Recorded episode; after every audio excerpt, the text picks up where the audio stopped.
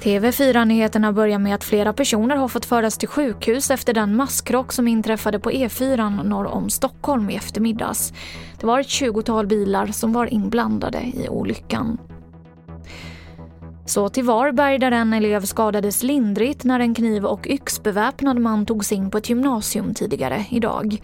Enligt vittnen så var mannen klädd i gula arbetskläder och bar en hjälm med visir. Den misstänkte är i 25-årsåldern och är nu anhållen. Och en förundersökning om försök alternativt förberedelse till mord har inletts. Swedbanks internettjänster och app ligger nu nere och det finns ännu ingen prognos för när det kommer att gå att logga in i banken igen. Och jag avslutar med att berätta att journalisten och författaren Annette Kullenberg är död. Hon avled i sviterna av covid-19 i Portugal. Annette Kullenberg blev 82 år gammal. Och det var det senaste från TV4 Nyheterna. Jag heter Emily Olsson.